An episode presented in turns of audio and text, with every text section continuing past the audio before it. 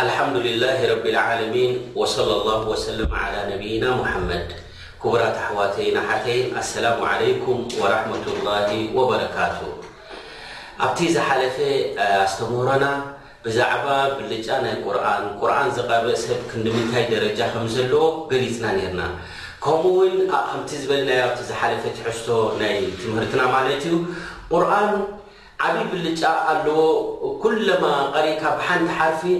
ዓሰርተ ኣጅሪ ከም ዘለካ እታ ኣሊፍላም ሚም ትብላ ስኒ ከም ሓንቲ ሓርፊ ዘይኮነት በል ሰለስተ ሕሩፍ ኣለዋ ንሰለስቲኤን ድማ ብዓሰርተ ዕጽፍታት ኣጅሪ ከም ዘለዎ ገሊጽና ማለት እዩ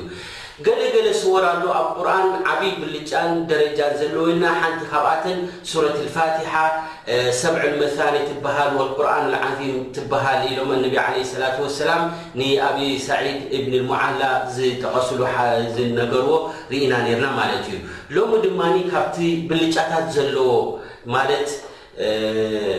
ቁርኣን ቀሪእካዮ ዝያዳ ብልጫ ኣለዎ ኢልና ላኪን ፍሉያት ሱራ ድማ ብልጸት ዘለዎ ዝበልናየን ሓንቲ ሱረት ኣልፋቲሓ እያ። ሱረት ኣልፋቲሓ ጠብዓን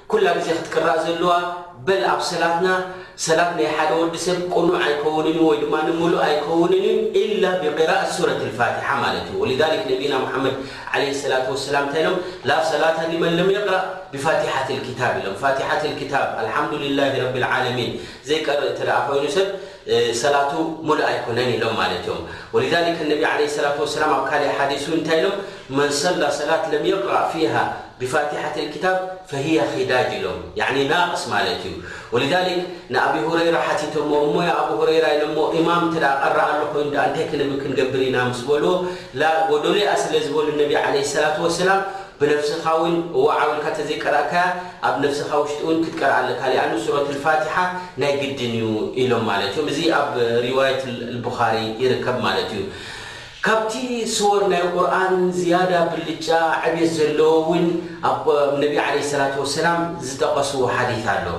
ካሓደ ካብኡ ሱረት ኣልበቀራ ወኣሊ ዕምራን፣ ሱረት ኣልበቀራ ከምኡ ድማ ሱረት ኣሊ ዕምራን እዚኣተን ዓብይ ዓብይ ደረጃን ብልጫ ዘለወን እየን።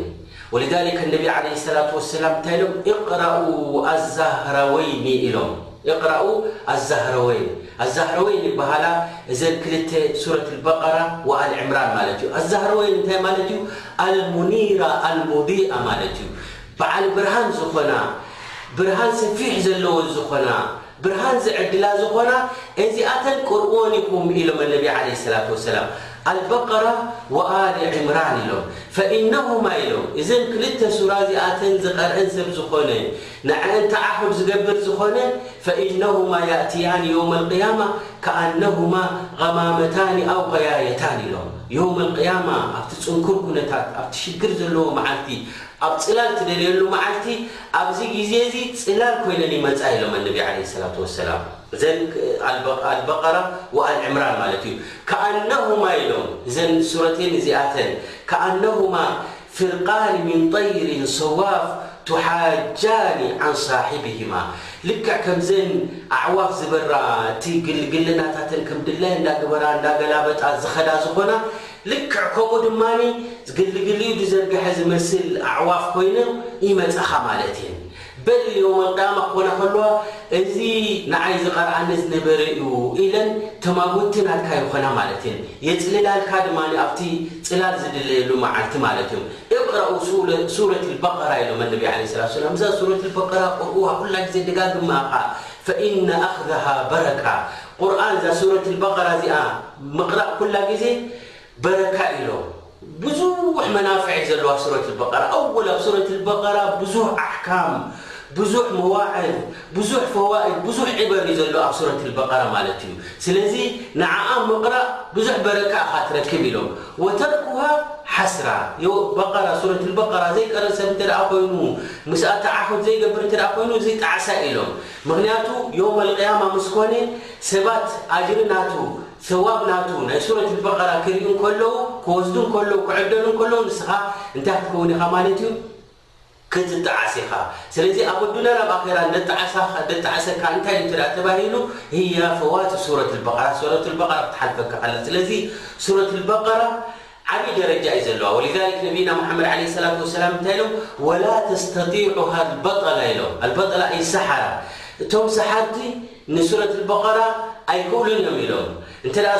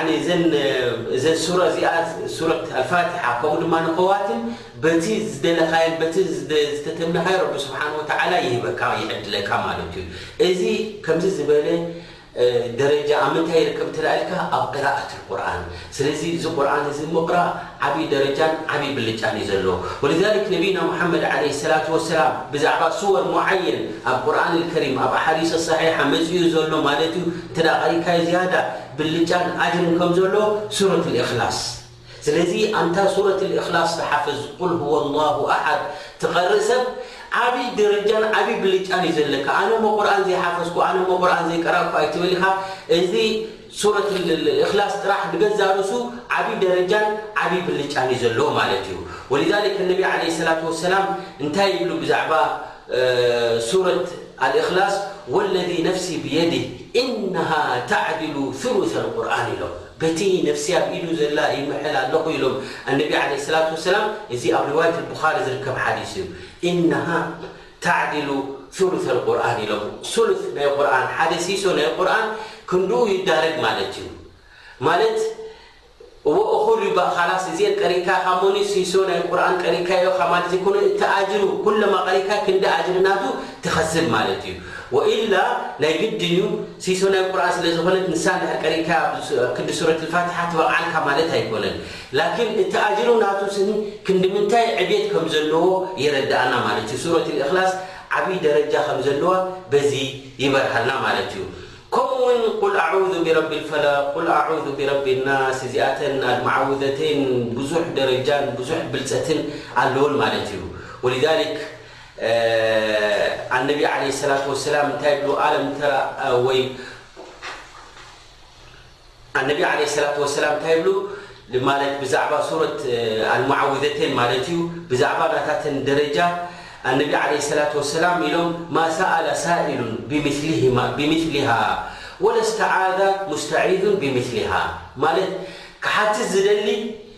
ብኸምእን ጌሩ ክሓትት ካብእን ንላዕሊ ዝሓተሉ የለን። ዕቑባ እንተደኣ ደልዩ ክዕቆብ እንተደኣ ደልዩ ናብ ረቢ ስብሓነ ወተዓላ ካብዚኣተን ንላዕሊ ጌሩ ክዕቆብ ዝኸእል የለን ይብሉ። ማለት ዓብይ መዕቆብን ዓብይ መለመኒ ናይ ረቢ ስብሓነሁ ወተዓላን እየን ማለት እየን። ስለዚ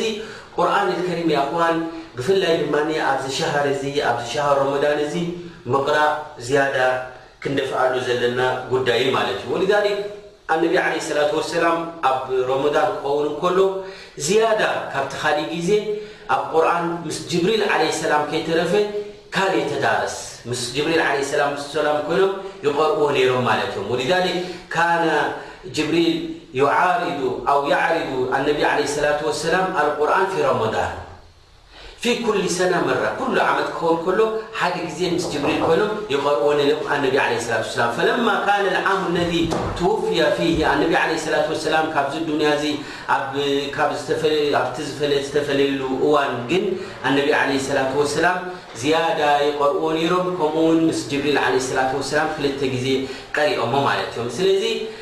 እንታይ የረድኣና ማለት እዩ እዚ ሻሃር እዚ ሻሃር ናይ ቁርኣን እዩ ዝያዳ ቁርኣን ንቀርኣሉን ዝያዳ ቁርኣን ነድህበሉን ወቅቲ እዩ ማለት እዩ ቀዳሞት ዝነበሩ ዑለማእ ኩሉ ትሕዝቶ ገዲፎም ኣብ ምንታይ የድህቡ ነይሮም ኣብ ቁርኣን ወሊዛሊክ ኣዙህሪ ራሒመሁላህ ኢዛ ደኸለ ሮመዳን ካብቶም ዓበይቲ ዑለማእ እዩ እዚ እንታይ ይብል ሮመዳን እንተ ኣትዩ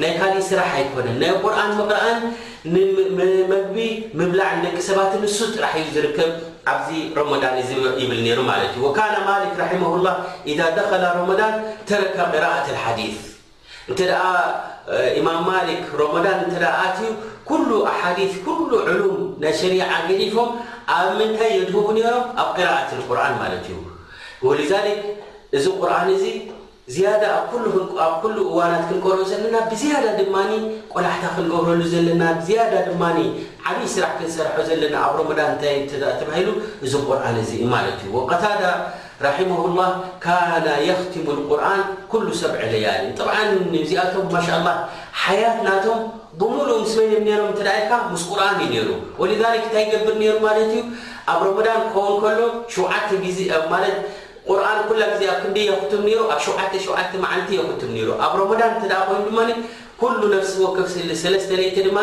ቁርኣን የኸትም ነይሩ ማለት እዩ። ስለዚ እዚኣቶም ከምዚ ዓይነት እዚ ደረጃ ወይ ድማ ክሳብ ሎሚ ንዝክሮም ዘለና ዕብየት ዝረኸቡ ሰባት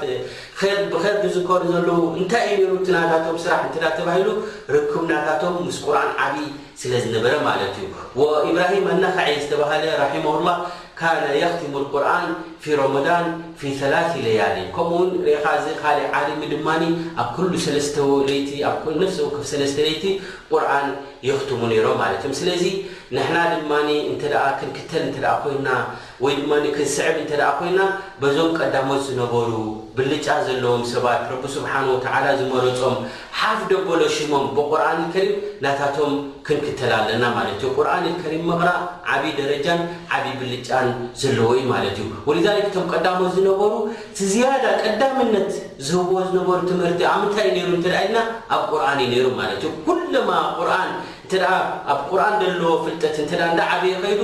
ኸሻ ናይ ረቢ እዩ ዝውስኽ ማለት እዩ ከምኡ ድማ ፍርሒ ናይ ረቢ ይውስኽ ኩለማ ካብ ቁርኣን እንተ ርሒቁ ሰብ ድማ ዕድሚ ናቱ እንዳወሓደ ይኸይድ ከምኡ ድማ ጉድለት ናይ ሸሪዓ ኣለዎ ማለት እዩ። መዓስ እዩ ብሉጽ ሰብ ዝበሃል እንተ ተባሂሉ በል ኣብ ሰሓበት ነቢ ዓለይሂ ሰላቱ ወሰላም ዝያዳ ክብረት ዝህብዎ ዝነበሩ ንሓፊዘ ኣልቁርኣን እዩ ነይሩ ማለት እዩ። ቁርኣን እንዳሓፈዘ ዝያዳ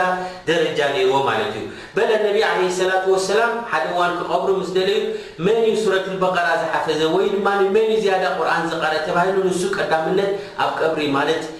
ጸቢብዎም እቲ ቦታ ናይ ቀብሪ ክልተ ሰብ ሰለስተ ሰብ ብሓንሳብ የእትውዎም ስለ ዝነበሩ ቀዳምነት ንመን ይዕደል ነይሩ ማለት እዩ እቲ ቁርኣን ዝቀርእ ማለት እዩ ስለዚ ክብረት ኩላ ግዜ መን እዩ ዝውስኽ ኣብ ቅድሚ ሰባትን ኣብ ቅድሚ ረቢ ስብሓን ወተዓላ እንተ ተባሂሉ ቁርኣን ዝቀሪ እዩ ቁርኣን ዝቀርእ ሰብ ደረጅኡ ዓቢ እዩ ማለት እዩ ወሊዛሊከ ነቢ ዓለይሂ ሰላቱ ወሰላም እቅራኡ ልቁርኣን ኢሎም ቁርኣን ቆርእዎ ይኹም ምክንያቱ እንታይ እንተ ኢልካ ሓታ የውም ኣልቅያማ እንታይ ይኾነካ ማለት እዩ ሸፊዕ ይኾነካ ማለት እዩ። ወሊዛሊክ ነስኣሉ ኣላህ ዓዘወጀል ኣን ይወፊቀና ሊቲላወቲሂ እዚ ቁርኣን እዚ ዝያዳ ክቅራእ ዘለዎን ዝያዳ ማለት ኣብኡ ከነድህበሉ ዘለናን ኣስተምህሮ እዩ ማለት እዩ። ሮሞዳን ድማ ሻህር ናይ ቁርኣን እዩ እሞ ኣብ ቁርኣን ዘለና ዝያዳ ቆላሕታ ክንገብር ن تلابقوننفسي نعختكم